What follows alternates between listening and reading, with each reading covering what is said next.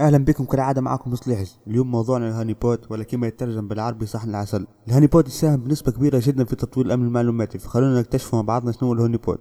لكن لازم نعرفوا وقتاش أول ظهور التكنولوجيا هذه اللي غيرت مجرى الإنترنت بالكامل. عام 1991 كان أول مرة تطرح فيه الفكرة هذه عن طريق كليفورد ستول وبيل تشيزويك أتول وقتها كان عنده شركة فما شكون بيرتاهم وحب يهز معلوماتهم.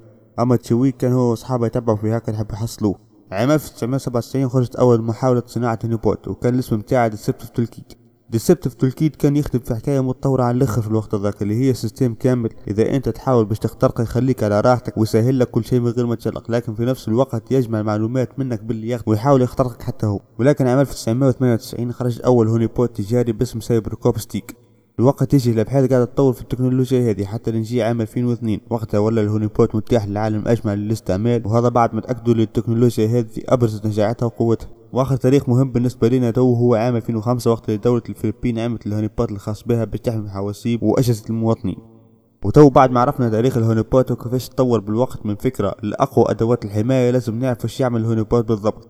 أول حاجة للتنبيه يعني إذا أنت مركب honeypot فما شكون قاعد يهجم عليكم.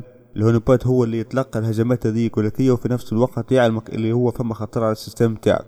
ثاني حاجة جمع المعلومات وهذه من أبرز المهام خاطر يحاول يجمع أقصى حد من المعلومات كما شنية الثغرات اللي في النظام متاعك اللي أدت لاختراقك. وآخر حاجة شنية الأساليب والأدوات اللي بها نجموا يهاجموك؟ وكما هيك يزيدوا يحاولوا يطيحوا المهاجم بسهولة.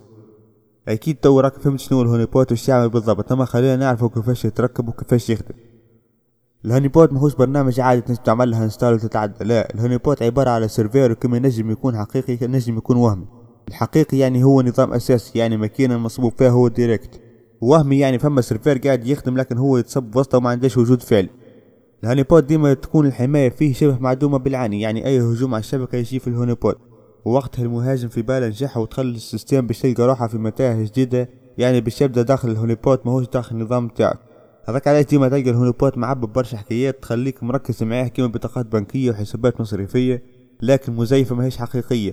وهنا تتذكروا أول مهمة ال honeypot وهي التنبيه وكما قلنا يتلقى الهجمة ويعلم اللي فما خطر على المؤسس.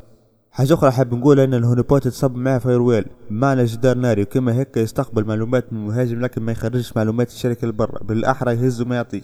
في الاجواء هذه كل يبقى يسجل كل حركة تصير باش يعرف كما قلنا من بكري شنو الثغرات اللي مكنت المهاجم بالدخول وشنو الأدوات اللي يستعمل فيها المهاجم ومع الوقت يعرف شكون هو المهاجم عن طريق جمع برشا برشا معلومات. هذا هو الهوني بوست صحن العسل حبيت نشارك معكم الموضوع. طبعا اختصرت برشا حكايات ما ذكرتهاش لكن خلي هذه كبداية ليك وابدأ رحلتك في التعلم.